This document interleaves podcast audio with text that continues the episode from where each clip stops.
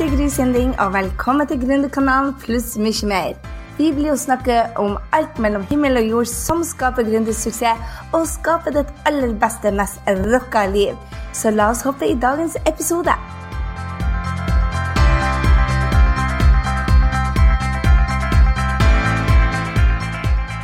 Gry Sinding her. Velkommen. Denne podkasten er litt spesiell. Den heter De tre fasene av en lønnsom coachingbedrift. Og er du ikke en coachingbedrift, så fortvil ikke, for dette er faser som vi alle går igjennom. Men det jeg ønsker med spesielt denne podkasten nummer seks, er å hjelpe de som ønsker å hjelpe andre, men sliter med å få kunder. Fordi det er så utrolig mange av oss som ønsker virkelig å bidra her i verden, men så viser det seg det at vi må gå tilbake til en jobb som vi hater, fordi at vi rett og slett ikke tjener penger. Så det jeg ønsker med denne, er å gi deg noe action som du kan ta for å tjene penger, for det er viktig å tjene penger hvis det ikke er en hobby at du tjener penger samtidig som du har eh, anledning til å hjelpe andre. Og så vil jeg bare si det at jeg blir gå, Der er et arbeidshefte til denne podkasten. Ja, du kan se den på video hvis du vil. Vi har eh, lagt en masse notater til deg som vil hjelpe deg i PDF-fil, sånn at du kan lære på den måten som er best for deg. Og noen elsker sånn jeg elsker å høre på podkast, for jeg kan høre på øret liksom, når jeg går, når jeg trener, når jeg eh, vasker huset. Så, så, da elsker jeg å høre på podkast. Men det er litt vanskelig å ta notater da, så du kan også se den på video. Så det kommer an på hvordan du ønsker å lære. Så la oss bare hoppe i det. Du er altså på riktig plass hvis du er en coach, en konsulent, en terapeut, en, en mindfulness-instruktør, en, en, akupunktør. En som ønsker å hjelpe andre med tida si, sine kunnskaper, sine evner. Og hvis du vet at du har kapasitet til å hjelpe flere, da er du på riktig plass. Og ikke minst hvis du vet at dette er jobben for deg, og du ønsker å ha en praksis som levebrødet eh, ditt altså, Vi er så redd for dette med å tjene penger, men penger er der for å skape frihet. Og det er litt av min rolle, og det jeg jobber som business coach, er å hjelpe folk tjene penger. Og det jeg ser, det er at de som er coacher, de som er healere, de som syns det er veldig vanskelig å, å koble dette med å både tjene penger og hjelpe andre.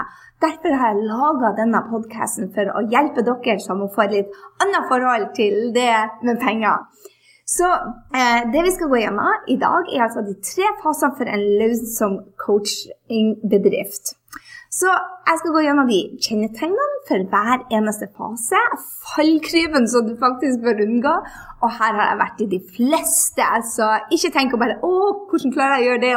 For er det noen tabber som gjelder det å tjene penger, og det å jobbe effektivt, og det å jobbe smart, og det å ha gode rutiner? Jeg har gjort alle tabbene.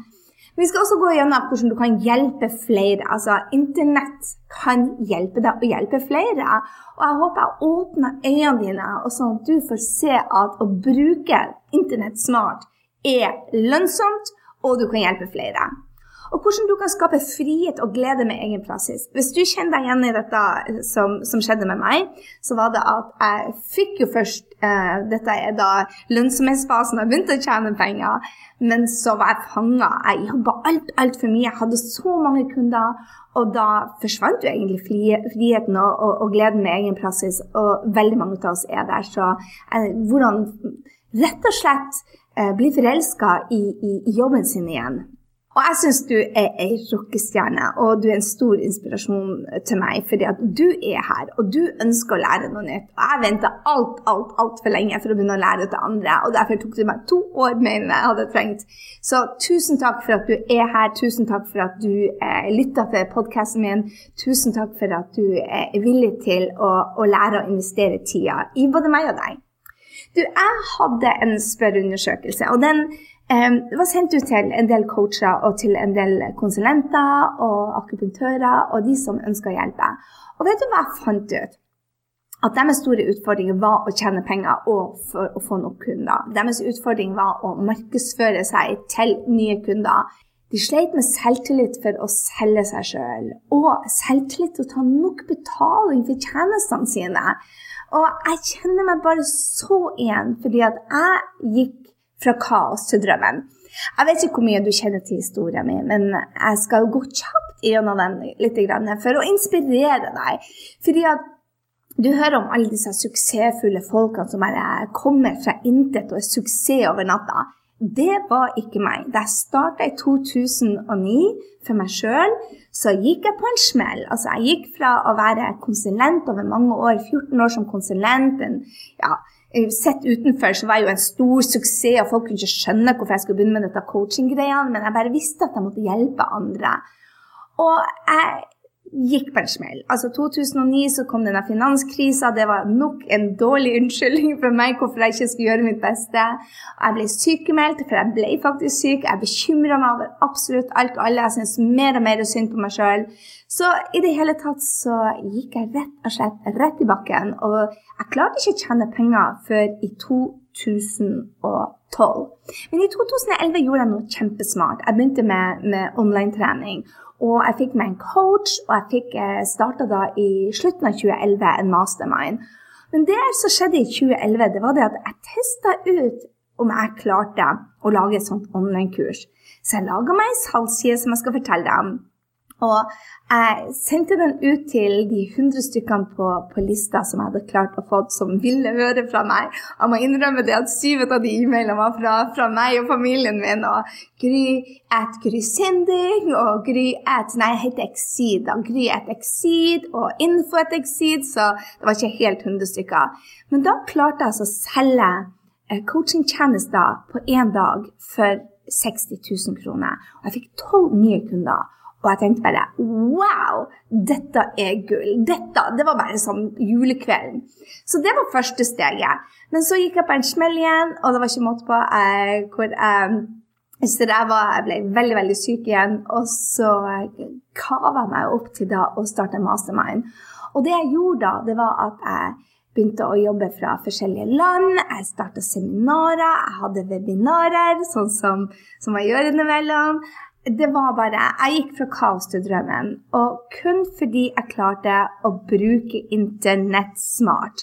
Så det er det jeg skal inspirere deg til.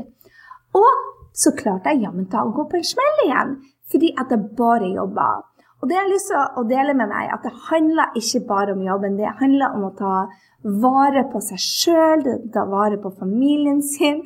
Det gode i livet er jo gode relasjoner, ikke sant? Det er det er jo der lykken kommer. og eh, nå når jeg er midt i sommerferien og ungene har vært hjemme litt for lenge, så, så jeg har, har den, en litt annen tone. Men vanligvis så, så, er det, så, er det, jo det som er, kos, ikke sant? Og det man husker. huske. Så, så for meg så handler dette internettdrømmen om å skape mer tid til det som jeg elsker.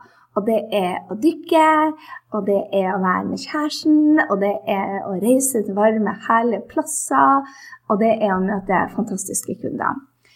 Så det jeg skal gå gjennom, er altså at du får en forståelse for de tre fasene, og hvilken action du kan ta av i hver fase, sånn at du kommer deg opp til det jeg kaller for um, den fasen hvor du tjener penger, mye penger, og som du er sjefen i. Så, um, så la oss gå dit. Og så jeg, vil jeg anbefale deg å se på dette med, med, hvordan vi kan samarbeide oss imellom. Hvordan vi i bransjen kan samarbeide. Så det skal vi også gå til. til. Ekspansjon, ekspansjonsfasen var det ordet jeg lette etter. Altså, vi, vi, vil gjerne der gå fra oppstartsfasen hvor vi ikke tjener penger, lønnsomhetsfasen hvor vi tjener penger, og da ekspansjonsfasen som eh, jeg har jeg har fått litt i lønnsomhetsfasen og ekspansjonsfasen, og tror du jammen tar ikke jeg tar og, og, går ned innimellom i oppstartsfasen. Så la oss hoppe i det. Hva er da kjennetegnene? La oss starte med det. Fase 1. Kjennetegnene for oppstartsfasen. Det er at du har en glød og en passion for å hjelpe andre. Du har, du har, en, du har alle rollene, og du gjør alt. Og vet du hva? Det er helt greit, for du er den typen da som hopper hoppa ut av senga og bare elsker jobben din og bare tenker Wow, tenk jeg får lov til å gjøre dette. Det er også en fase hvor du tester ut. Du tester ut eh, eh, salgspitchen din, kanskje. Du tester ut eh, hvordan du jobber. Kanskje du nettopp har fått jobbe. Eh, eget eh, jobbekontor, skal jeg kalle det for. Men kanskje du har et hjemmekontor. Kanskje du ikke helt vet hvem som er din drømmekunde, hvem du skal hjelpe. Kanskje eh, tester du ut nisjen din. Det er testing fra ende til ende. Og så sier du ja til alt og alle. Det er bare ja i din munn. Og jo, du er kanskje en, ut av den kreative typen som bare har så mange eh, ideer at det bare er popkorn i hodet ditt. Så det blir veldig mye ja, og fokuset er litt overalt, da. Og så er du litt som moder Teresa. Du jobber nesten gratis fordi at uh, du trenger pengene. Da skulle du ikke gjøre det gratis, men fordi at du trenger referansekunder du ønsker at folk skal få vite om hvor fantastisk du er, og at dette faktisk hjelper. Så du jobber nesten gratis. Der slo jeg jammen ta meg hånda i bordet. Sånn er det når jeg kjører Når jeg underviser, så driver jeg og vifter masse med hendene. Du ser meg jo ikke, så du, du hørte kanskje det dunket. Det var meg som slo meg. Og så har du kanskje, hvis du er i lønnsomhetsfasen, så er det veldig mange som er usikre om de skal satse 100 For mange er, er, sånn Skal jeg slutte jobben min? Skal jeg drive på med dette forever? Er, er dette noe jeg klarer å tjene penger på? Eh, er dette bare en drøm som forblir en drøm? Har jeg driven til å gjøre dette? Blir dette for slitsomt? Har vi økonomi til dette? Det er masse usikkerhet. Og spesielt usikkerhet om man blir å tjene penger. Fordi at uh, mange av oss er smarte folk som har gode jobber, og så er spørsmålet klarer man å tjene penger. Og jeg lover det, når jeg kom dit uh, For meg var det en million, og når jeg kom til den første millionen min, så var jeg bare sånn Oh my God, I did it! Uh, men jeg kan love deg at det var langt inn i lønnsomhetsfasen. Man har kanskje dårlig økonomi og redsler for fremtiden. Så, så, det er ikke bare du, du har på den ene sida det positive med denne fasen om at bare Holy smoke, jeg har egen jobb og er så lykkelig. Og samtidig så er det masse redsler for fremtida. La oss hoppe til eh, fase to, for den liker jeg bedre. Kjennetegnene for lønnsomhetsfasen, om du er der, så er det mange kunder, og du elsker jobben og føler yes, jeg er en suksess nå. Eh, pengene kommer inn, og med penger så får man også selvtillit. Og man har en jobb med mening. Det er ikke det at man ikke har en jobb med mening når man er i fase 1, men man tenker liksom at holy smoke, nå får jeg betalt for en jobb med mening. Og så jobber man mye mer med visjon og tester produktet. Så man tester ikke overalt, men man jobber med, med visjonen sin og bare OK, dette er firmaet mitt, nå skal jeg teste produkter hvor man skal tjene pengene sine jeg ser at veldig mange som er i lønnsomhetsfasen, er veldig gode på å ha fokus på rutiner, vaner og disiplin. Fordi at det er det som skal til for å tjene penger. At man er god på rutiner, vaner og disiplin. Disiplin, og da tenker jeg spesielt til disiplin til å faktisk levere når man ikke føler for det. Gode vaner som støtter opp under Jeg tror at man blir, eh, eh, man blir det, det man tenker, man blir det man gjør. Og da må man ha gode rutiner og gode vaner for å komme seg opp igjen. Og må man ha disiplin til å faktisk eh, eh, ikke ta seg sammen, som jeg akkurat skulle til å si, men disiplin til å faktisk tenke på en annen måte. Også i denne fasen så vil jeg si det at det, man blir veldig god på å delegere. Og hvis man ikke er veldig god på å delegere, så er den største utfordringa kanskje det at man brenner seg ut. Det er den store feilen jeg gjorde. Det var at jeg tok og jeg vokste og vokste og vokste. Men jeg er så mye bedre på å gjøre ting sjøl, så derfor så ga jeg veldig lite ut til andre. Uh, og jeg var redd for å ansette, jeg var redd for det, meste, egentlig, så jeg gjorde alt sjøl. Det er ikke så smart, men jeg skal komme tilbake til det. I lønnsomhetsfasen så gjør man mer ut av det som er geniet sitt. Hvis man er god på å outsource, da, uh, da prøver man ting, og så får man suksess med det det jeg gjorde uh, i denne lønnsomhetsfasen, og det jeg jobber veldig mye med, er at jeg jobber kun med det jeg er god på, og sier nei til det som uh, f.eks. svarer mail, som er de vanlige mailene. Vi har 20 vanlige mailer som ikke jeg trenger å svare på lenger. Sosiale medier har vi satt mye ut, så, så er det mye ting som rett og slett uh, ikke jeg trenger å gjøre lenger, og får fokuset på det som er i geniet. Ok, Fase tre. Kjennetegn for ekspansjonsfasen. Det er da man utvider. Og helt ærlig, det er én fot i lønnsomhetsfasen og én fot i ekspansjonsfasen. Jeg skal fortelle hvorfor når vi kommer da til eh, de utfordringene og de løsningsforslagene som jeg har til de fasene. For jeg er på langt nær helt i ekspansjonsfasen. Så kan man si liksom ja, men hvem, hvem, er du liksom til å, å, å, hjelpe meg, da? For jeg er jo allerede i ekspedisjonsfasen.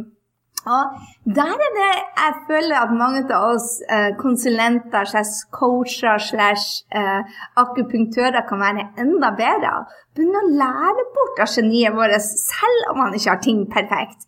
For jeg tror at man aldri blir perfekt, så hvorfor skal man da prøve på det? Så start å lære bort fra, eh, fra geniet ditt allerede i fase 1. Fase 3, altså, da har man selvtillit, og man føler at man ikke bare føler. Man er en leder på feltet sitt, og andre ser deg som en leder. Du er i rampelyset. Om det mener jeg at det er skrevet kanskje artikler om deg og når du er i denne fasen. Eh, du er den som blir kanskje invitert til TV. Det er du som blir forhørt eller undersøkt, spurt av eh, du, du er rett og slett eksperten på området, og de kommer til deg. Du har et team fordi at når du er i ekspansjonsfasen, så kan du ikke gjøre alt alene. Forhåpentligvis et team som er, jobber med de samme greiene som deg. Du analyserer, og du velger det du vil. Hva mener jeg med analysere? Vel, du har en strategi, da, og du er mye mer i ekspansjonsfasen er man mye, mye mer tydeligere på hvor skal man? Hva er det man skal være innovativ på? Hvor er det produktene mine skal gå? Og man er klar over det at eh, tida er en knapp ressurs, så man velger det man vil. Jeg skal fortelle deg eh, litt senere um, i de utfordringene jeg hadde, er faktisk å velge bort og si nei. Og, men skal du vokse, så må du si mye mer nei enn du sier ja. I denne fasen, ekspansjonsfasen, så skaper du dype relasjoner og varige samarbeidspartnere. Jeg tror at dette er noe man må jobbe med hele tida, men spesielt i fase tre så er det å ha gode samarbeidspartnere og de, de langvarige relasjonene. Og så investerer man mye mer i seg sjøl enn ever before. Eh, ja, det vil du Altså det vil du lære meg at jeg har noen engelske uttrykk, men uh, du, du, overlever det. Man investerer i seg sjøl, fordi at man vet uh, Da har man lært. I ekspansjonsfasen så har man lært det at det går fortere når man investerer i seg sjøl. I starten så tenker man man ikke har råd til det. I ekspansjonsfasen så har man råd til det, og man vet at man burde ha gjort det mye, mye tydeligere. Suksessen avhenger av deg, så hvis man ikke investerer seg sjøl på nytenkning, eh, andre måter å løse ting på, i å få input fra andre, så vet man at det går veldig, veldig mye tregere. Ok, jeg skal snakke litt nå om eh, Før jeg går videre, før jeg snakker om fallgruver og forslaget til endringer, sånn at man kan få en lønnsom, ekspanderende bedrift, så La meg spørre deg nå. Hvis du er eh, på nett, så vær så snill å gå til grysynding.no slash nummer seks, for der finner du eh, arbeidsheftet. Så jeg vil at du skal tenke deg om nå. Hvor er du henne? Er du i oppstartsfasen? Er du i lønnsomhetsfasen? Eller er du i ekspansjonsfasen? Vi alle vil vel til ekspansjonsfasen. Eh, men er det er greit å ta ett steg av gangen, ikke sant? For det er ikke bare bare å gå fra oppstart til ekspansjonsfasen. Jeg vil si nesten at det er en umulighet. Men dette er jo, og, det er jo hardt arbeid, ikke sant? Så, så vær klar over det. Uh, samtidig så er det utrolig givende. Jeg for min del jeg har en fot i ekspansjonsfasen. Jeg har en fot i eh, fremdeles i lønnsomhetsfasen. Og innimellom, på selvtillitsnivå, så går jeg ned til oppstartsfasen. Så vi skal gå gjennom de fallgruvene som jeg har vært i, og forslag til endringer, sånn at man får en lønnsom bedrift. Hva jeg har gjort, og jeg skal legge kortene på bordet her, fordi det er så utrolig viktig tenker jeg, å, å vite det at du er ikke alene. Og hvis du samarbeider med andre, så går det fortere. Så vær i læring og ha, ha, ha et åpent sinne og si OK, vær ærlig med deg sjøl. Hvor er jeg, og hvor trenger jeg å jobbe. Så hvis du har det i bakhodet, ok, hvor er det jeg tenker å, der snakker Gry om noe som Der treffer Gry meg. Eh, Nå snakker hun om noe som virkelig gjelder meg, så, så, her må jeg jobbe. Så skriv det ned hvis du, er i en, hvis du ikke er i en bil eller på trening, og gå tilbake. Vær klar over at jeg er en som lærer utrolig sakte. Og jeg har også gjort alle feilene sjøl. Så, så, la oss se på de utfordringene og de læringene som jeg har gjort meg, og så håper jeg at du eh, tar notater, og ikke minst at du, hvis du er ferdig med å jogge eller eh, er ute, går tilbake og sier hvor er det du skal ta action første som jeg oppdaga i oppstartsfasen, den største utfordringa mi, var faktisk at jeg sammenligna meg med andre som var kommet mye, mye lenger enn meg.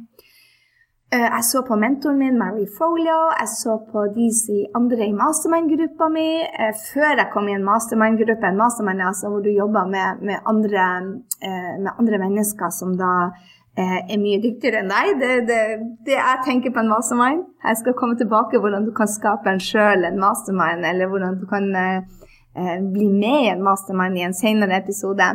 Men det jeg gjorde, altså, jeg sammenligna meg med andre som var kommet mye lenger. Og jeg mista selvtilliten da. At dette klarer jeg jo aldri. Men det er bare tull. Det er nemlig sånn at du kan snu den, den litt når du sammenligner deg, så kan du bli litt misunnelig på dem. Eller du kan tenke åh, dette går aldri, de er så mye bedre enn meg. Men istedenfor å si um, vet du hva, hvis de klarer det, så kan jeg klare det. At du blir inspirert, og at du har litt mot til å tørre å være best. Hva mener jeg med det?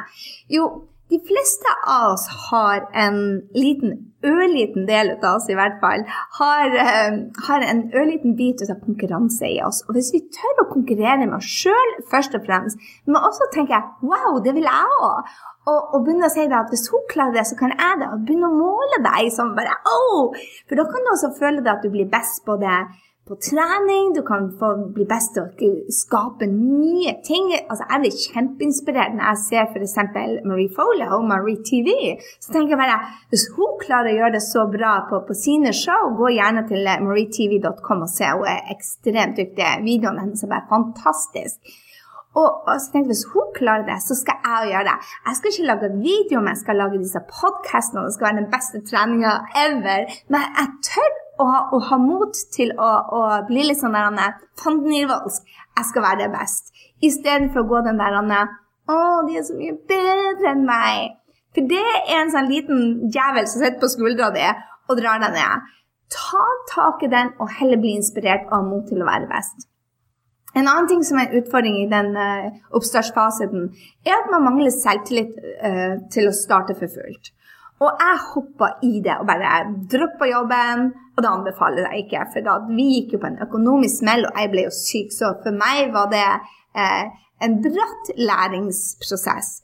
Men jeg mangla jo selvtilliten. Så det jeg gjorde da, var å jeg ble veldig inspirert ut av boka til Steven Pressfield med A Turning Pro. Å ta daglig action, teste ut og være en profesjonell. Og, og ikke si 'Å, Nei, jeg skal gjøre, jeg skal, um, jeg skal gjøre dette Nå holder jeg på å surre litt, men jeg leter etter et norsk ord som heter um, perfekt. Det, det, det, å være pro og det å være perfekt er to forskjellige ting. Så, så det å, å, tørre å ta daglig action og teste det ut og være en pro, men ikke vente til det blir perfekt, for da kommer det aldri noe ut der. Det kan jeg love deg. Men hvis du gjør ditt beste akkurat der og da, les gjerne den boka til Steven Pressfield. Han er bare fantastisk. Og det å gjøre alt som er profesjonell istedenfor som en amatør. Uh, Marie Folia har et veldig bra spørsmål. Hun sier noen sånn som um, uh, hvis du skulle være best på feltet ditt i dag, hvis du liksom skal være sånn som jeg, hvis jeg skal være den beste businesscoachen ever i Norge, hvem må jeg være da? Hvilken action må jeg ta da? Hva må jeg tenke da? Hva må jeg spise da? Vær en profesjonell. Så tenk på deg sjøl. Jeg vil være den beste i det jeg gjør. ok? Hva man gjør da? Hvilke action man tar. Og så blir man bedre og bedre og bedre. Og når jeg finner den holdninga, så kan du tro det at jeg gikk fra å være veldig veldig stakkarslig og eh, syk til å ta daglig action og spise som en profesjonell. Jeg trente som en profesjonell. Jeg laga eh, materiale som en profesjonell. Nå skal det jo sies at hvis du ser tilbake på materialet mitt i 2011, så da jeg begynte å øve på dette, så ser det langt fra så profesjonelt ut som det gjør i dag. Men igjen det med sammenligne. Sammenligne oss med der vi var i går og ikke der vi eh, liksom er i dag, holdt jeg si. Um, sammenligne oss med de stegene vi tar. Og husk det at når Apple kom ut med sin første Toshiba Nå er det jo kanskje ingen utenom museet som er villig til å betale 20 000 for det, men det gjorde vi jo da. Nå får vi jo maskiner, Mac-er, som er 100 ganger, 1000 millioner ganger bedre, og vi betaler mindre. Så gi ditt beste der du er i dag, og være profesjonell, men gå ikke for det perfekte. En annen ting vi gjør, er å undervurdere oss sjøl og gjøre ting vanskelig. Åh, guri malla. Men jeg skifter attitude og sier andre har klart det, da skal jeg også klart det. Da gikk jeg fra å tvile på meg sjøl til uh, rett og slett selvtillit. Og det er noe som jeg skriver opp for meg sjøl og kommer på telefonen min på, på dårlige dager. vet du. Andre har klart det, da skal faen meg du òg klare det, Gry. En annen ting som eh, jeg gjorde, jeg tok underbetalt for tjenestene mine. altså Jeg gjorde jo mye gratis, og det skal man gjøre til man får referanser, til man eh, Man skal gi mye, mye gratis, men man skal òg stole på det at vi kan hjelpe våre kunder. Vi kan velge våre drømmekunder, og vi kan hjelpe dem. Og når vi kan hjelpe dem, så må vi ta, ta betalt for det. Og no, det var en coach som sa til meg det at uh, husk det at at når du gjør dette for, for dine kunder, og de kan hjelpe andre, så, så, kan du ta like godt betalt som en lege eller en advokat, for du hjelper like mye. Og da tenker jeg wow, det må jeg bli god til å, å, å fortelle kundene mine. Um, og det er jo å bli god på salg, rett og slett å tørre å selge seg sjøl. Um, og det trenger man trening på. Tren, øve, øve, øve. Så salgstrening er viktig. Og så er det det å investere som en oppfølging av det. Jeg investerte i markedsføring og salg alt, altfor sent. Jeg holdt på å Personlig så var jeg på Nav eh, et helt år, for vi klarte ikke å betale, jeg klarte ikke å betale regningene mine. Jeg var syk. Jeg var virkelig langt nede. Så eh, nei, da bare solgte det meste jeg hadde i kjelleren av Gameboyer og sykler og ski og for å finansiere markedsføring og salgkurs, så tok det òg av. For det kunne jeg ikke. Jeg trodde faktisk at med siviløkonom og markedsføringsbakgrunn så kunne jeg vel eh, klare å selge. Nei, det er noe en helt annen game der ute i dag. Så man må investere før man kan høste, og hoppe i det før man er klar. Man, man, man, må rett og slett investere før man kan høste. Og det svir som pokker, jeg vet det. Men er det noe jeg gjerne skulle gjort annerledes, så er det å investere både i mastermind min, som endrer alt for meg, men også i de kursene. En annen ting som er utfordring, er at man er superdyktig, men får ikke noen kunder. Og her er det jeg sier, altså gi, gi, gi, gi, gi, gi, gi. Og, og, gjerne sånn at man Wow, jeg kan ikke tro at det er gratis. På, på internett så kan du gi rabatter til kundene dine. Du kan gi gratis eh, Gratis, et nytt ord. Gratis eh, frakt. Du kan gi tilbud. Men gi så mye til kundene som overhodet mulig. Og gjerne at de får den følelsen Wow, jeg kan ikke tro at det er gratis. Og det er det jeg håper med denne treninga, at du kan ikke tro at jeg gir alt dette gratis til deg, og at du derfor deler. ikke sant? Du, sier da, 'Wow, denne podkasten til Gry Sinding er fantastisk', sånn at om ikke du vil jobbe med meg, så vil kanskje noen andre. Så det er det jeg mener, at man skal gi så mye som mulig. Og en sånn her podkast er et typisk sånn eksempel hvor man kan gjøre. Så er du i fase én fase to eller fase tre, hvor ligger utfordringene? I fase én, hva er det som eh, treffer deg mest? For meg har jeg en fot i fase én ennå, og det er å ta nok betalt for eh, produktene mine. Eh, og tørre å ta den betalinga. Nå har jeg produkter alt fra 199 kroner til 150 000 kroner. Så eh, mange sier til meg bare 'Å, du tar altfor mye betalt'. Og det er jo et, et, spørsmål om hvilken verdi man skal. Så så um, for meg så ligger det i, enda i den der ha confidence» til å tro på det. La oss gå gjennom lønnsomhetsfasen, fallgruven og forslag til endringer, sånn at du kan få en lønnsom praksis hvis du er der. Min fallgruve har vært at jeg jobba så mye eh, i starten og tjente mindre. Og da jeg begynte å automatisere, forenkle og systematisere, så endra det seg. Og det er jo det jeg jobber nå med veldig mange gjennom skapdindrømmejobb.com-kurset. Hvis du går på skapdindrømmejobb.com, så, så er, det kurset er ikke bestandig tilgjengelig, men du kan sette deg opp på noen gratistreninger hvordan du faktisk kan automatisere, forenkle og systematisere. For det tror jeg var nøkkelen til det hele hos meg. 80 eh, sitter i hodet, men når det er sagt, så må man automatisere, ellers så, så, jobber man seg i hjel. Og spesielt automatisere dette med hva du kan gi til kundene, tiltrekke deg kundene. Eh, og bygge et forhold til de, sånn at du bare bruker tida på de som faktisk vil jobbe med deg. Eh, det som skjer med mange som er i lønnsomhetsfasen, det er det at ja, eh, jeg begynner å tjene penger, men jeg er fremdeles en godt bevart hemmelighet. Mange sier til meg 'Å, du er så fantastisk', og, og det, det, var kjempegøy å bare 'Å, du skaper så endring i livet mitt', alle burde ha en Gry. Hvis du har hørt den, så er det fremdeles en godt bevart hemmelighet. For hvis du da satser på markedsføring og salg, så kommer det ut. Og jeg har lagt med en sånn trafikkflytbilde i, i videoen, så hvis du er på videoen, så ser du det rett foran deg. Men hvis du hører på denne podkasten, så gå og se på den sliden som det står der. For der forklarer jeg hvordan trafikkflyten skjer, hvordan du får de fra Facebook, Instagram over til um, de som er på e-mailen din, f.eks. E-mail um, providers, kaller vi det. Aweber, Mailchimp og Infusionsoft. De kan hjelpe deg med å sende ut de riktige e-mailene. For mange gjør den tabben om at de bare sier 'Å, jeg bare sender e-mail til dem'. Uh -uh, ikke lov. Folk må kunne trykke på at de vil av listen din også. Men da kan du sette opp dette til å gå automatisk, sånn at du får en trafikkflyt. At det du poster på sosiale medier, på bloggen, på podkasten eller på Instagram, at de vet hvor de skal finne deg, og at de da får noe gratis. Og at de da kommer på listen din for at du får e-mailen deres, og at du, du, kan selge dem og si 'Hei, du har vært på lista mi, jeg håper du elsker Det var det jeg gjorde. Jeg sendte en e-mail, så jeg posta ting gratis på bloggen min. Så delte jeg det. Eh, jeg husker ikke om Facebook var kommet da, men jeg tror det var i 2010 så jeg var på Facebook. Så delte jeg det på Facebook, og så satt folk seg 'Å, det vil jeg ha!' Så de satte seg på e-mail-lista mi. Og etter ti dager så fikk de 'Hei, jeg håper du likte de to bloggene jeg laga til deg. Vil du jobbe med meg? Så her har du muligheten til det.' Og så eh, sendte jeg dem til et sånt søknadsskjema. Og wow, fikk jeg kunder også når jeg sov. Og når jeg så det funka, oh my god. Det andre er det her med å være kontrollfrik, at man ikke tør å outsource. Men få hjelp jo tidligere, jo bedre. Øvelse gjør mester. Jeg, jeg har nå Jessica, jeg har um, Karina. Eh, Henrik jobber for meg, så eh, vi, vi, er team, og det er fantastisk. Og jeg skulle ønske jeg hadde begynt tidligere. Jeg bruker Elance, elance.com, for småting som f.eks. å lage disse uh, powerpointene eller keynotene som jeg bruker.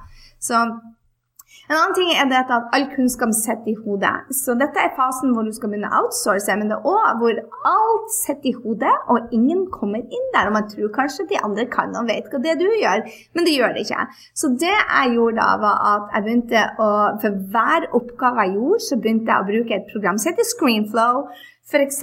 når jeg skulle lage bilder til til Facebook, så, jeg, så satt jeg på Screenflow og så rekorda jeg en video som forklarte hva jeg gjorde for noe. Så jeg, det tok ikke noe lenger enn å lage det bildet. Dette er sånn jeg gjør det, så trykker jeg der, og så trykker jeg der, og så trykker jeg der, og så saver jeg den i Dropbox. Og når jeg gjorde det, så kunne jeg, altså, jeg lettere legge den oppgaven. Det samme var det hvordan sende ut e-mailer til alle folkene, hvordan uploade en blogg, hvordan putte et bilde inn i bloggen. Så sånne ting gjør ikke jeg lenger. Jeg laga den screenflow, så alt som jeg gjorde flere ganger, laga jeg rett og slett en film la det på Dropbox, og så var det noen andre som tok det over. En annen utfordring var det at jeg kunne så mye, men hva er nisjen? Og der er det å bli kjent med drømmekunden. Så for å spisse nisjen Dette er en evigvarende jobb. Min eh, nisje endrer seg fordi at jeg er en business coach, men kunden min endrer seg. Jeg endrer meg. Så jeg justerer hele tida underveis og er klar over det at jeg kan bruke ting som spørreundersøkelser. Eh, jeg sender en automatisk e-mail hva folk har som utfordring. Sånn at jeg hver dag bruker litt tid på å bli kjent med drømmekunden. Og så var det dette Hva er prisen med en? Vet du hva? Sannsynligvis høyere enn du tror. Hva skal man ta for tjenestene sine? Det teller mye på produktinnpakningen. Så hvis du har god lukt, hvis du har et, et, et, et, rom i en fin bygning, så kan du ta høyere pris, faktisk. For folk føler seg veldig Altså, se på Du kan ha en hvit T-skjorte så det står Gucci på, du kan ha en hvit T-skjorte som står Hennes og Maurits på. Og alt handler om følelser. Om hvordan man føler seg når man har på den Gucci-T-skjorta eller Prada-T-skjorta i forhold til den Hennes og Maurits-T-skjorten. Sånn er det også med, med, coaching. Hva er det du ønsker folk skal føle? Er det eh, Ja, du skal hjelpe dem. Så det jeg gjør, jeg gir masse masse gratis til mine kunder. Når vi møtes, så gjør jeg det alltid veldig hyggelig. Jeg for, um, jeg sender dem alltid gratis ting. altså Nå har de betalt veldig mye penger, så du sier kanskje at det er ikke gratis. Men, men jeg, jeg, bygger opp om at de skal få bonus på bonus på bonus, sånn at de skal si bare Oh my God, Gry leverer kvalitet. Og alltid en overraskelse. Uh, det kan være kort. Uh, når folk kjøper, Av og til når, når, folk kjøper et produkt av meg, og jeg tenker wow, jeg er så heldig jeg drømmer jobben, så sender jeg folk et kort. Det er så lite som skal til. så så vær, eh, du, skal, du, skal, levere resultater, men også produktinnpakningen som teller. Så føler du at du er i fase to, hvor ligger din utfordring? Min utfordring for fase to er fremdeles litt på den prisen, men også på outsourcinga. For jeg er ikke kommet der jeg outsourcer så mye som jeg skal. Jeg sitter fremdeles og gjør masse ting som jeg ikke burde gjøre.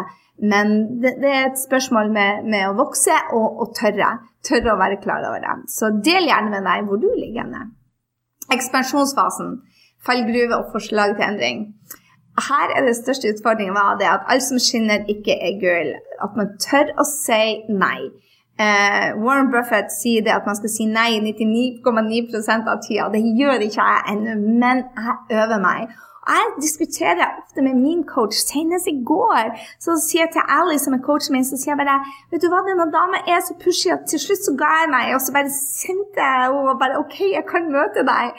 Men, men jeg, jeg, kjenner på meg at det blir feil. Sånn diskuterer jeg ennå med coachen min. Og han sier bare OK, du må lære deg å si nei, men en av de enkleste måtene er å ikke svare på e-mail. Jeg bare Å, det kan jeg ikke. Så få assistenten din til å gjøre det, og bare OK. Men, men, det å si 99 eh, av tida Nei, det er vanskelig, men jeg tror når jeg kommer dit, så gjør jeg mer ut av det jeg elsker, og holder fokus. Jeg tror de fleste som, som lykkes, det jeg ser med alle mine mentorer, de er så utrolig dyktige til å holde fokus. Eh, og det tror jeg er helt nødvendig i ekspansjonsfasen. En annen utfordring er at branding ikke er helhetlig. Hvis du ser på mine presentasjoner, hvis du ser på på mine eh, farger på eh, internettsiden, så er ikke vi helhetlige ennå. Men det er i hvert fall den fasen hvor man kan være mer kresen og bruke penger på det visuelle.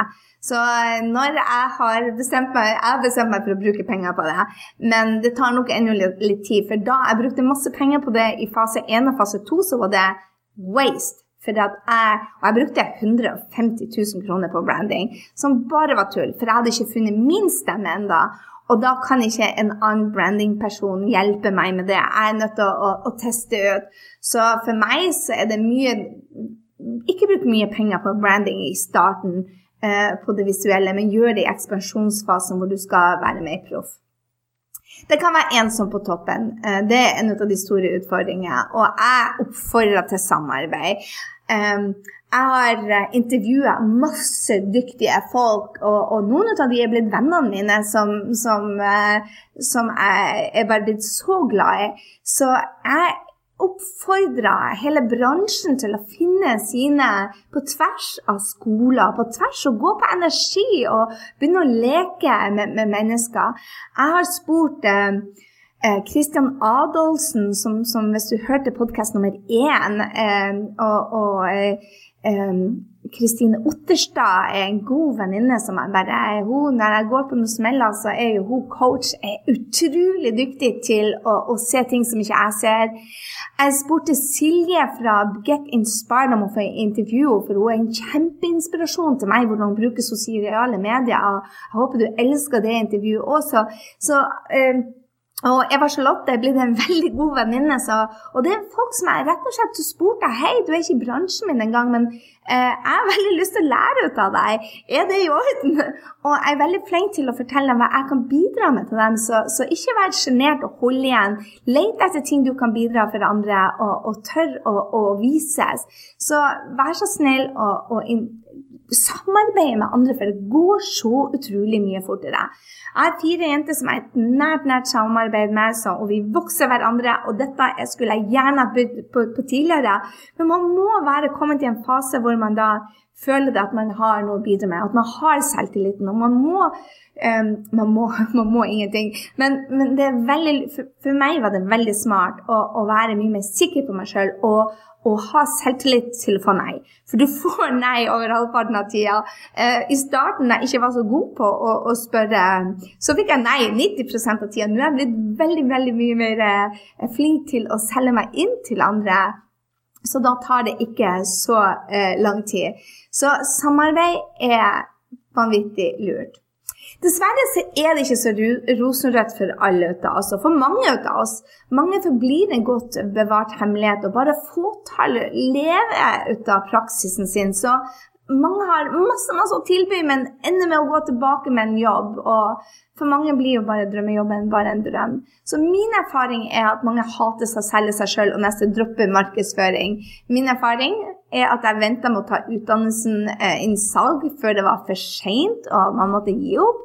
Eh, min erfaring er at man ikke tør å satse og vente på riktig tid, penger og nok selvtillit, eller til man er helt klar. Og mange har ingen å spare med å bli ensom. Så jeg håper du i dag har fått deg noen, noen sånn aha-moments og sier bare 'Å, her må jeg jobbe'. For det er bare små, små justeringer som kan gjøre en kjempestor forskjell. Og jeg vil at du skal huske 80-20-regelen. 80-20-regelen går på det at 80% av det fantastiske i livet ditt kommer av 20% av innsatsen din. Så hvis du kutter ut de andre 80 så vokser du det, det gode. Og det går 80-20 Du kan gjerne slå den opp. Pareto-regelen heter den. Den går også på det at, at 80 av, av, av tida di Nei, 80% av inntekta di kommer fra 20% av tida di. Så hvis du kan øke den og tenke det at wow, jeg, jeg, skal kutte ut masse, jeg skal kun fokusere på mindre, for det er det det handler om, å fokusere på det som funker, og kutte ut alt det andre.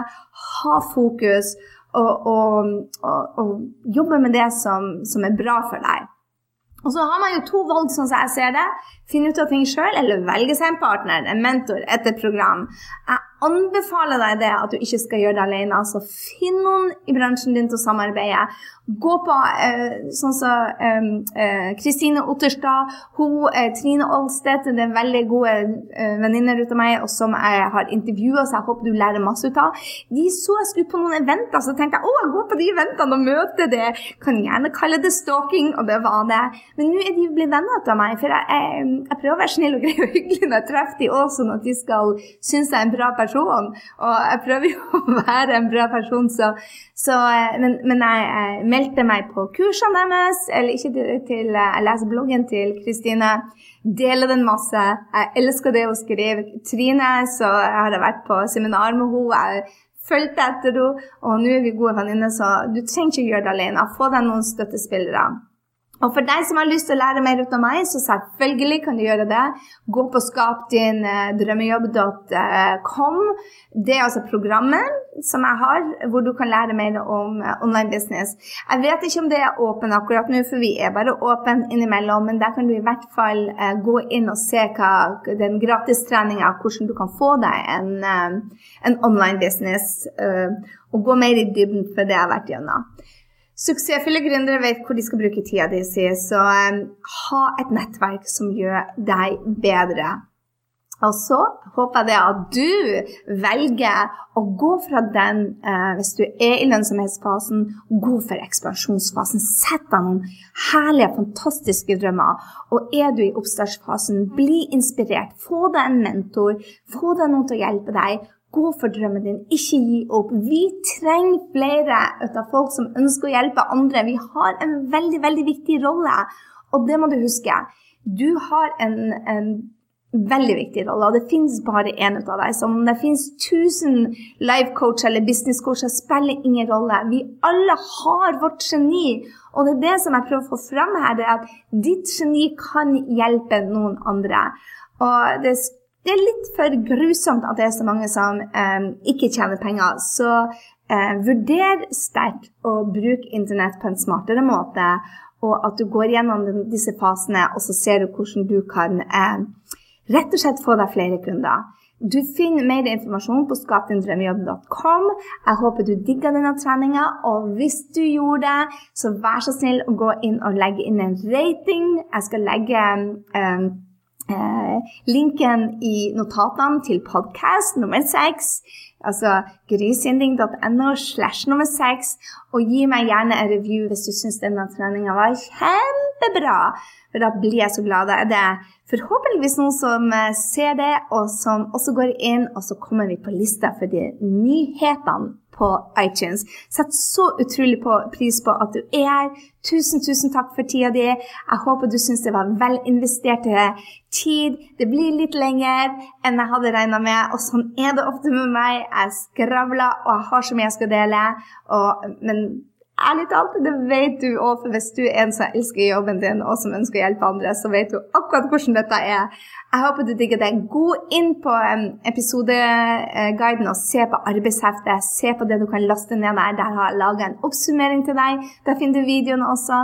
Så grysynding.no slash nummer seks, så finner du meg. Ok, ha en strålende, strålende dag, og tusen, tusen takk for at du hørte på podkasten. Så høres vi neste uke igjen.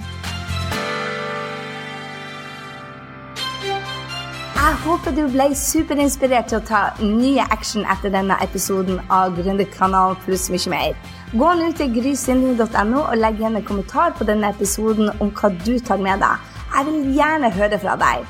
Og få mer gründertrening på skapdindrømmejobb.no. Glem heller ikke å abonnere, sånn at vi treffes neste gang på Gründerkanalen pluss mye mer. Ha en fantastisk dag, så høres vi.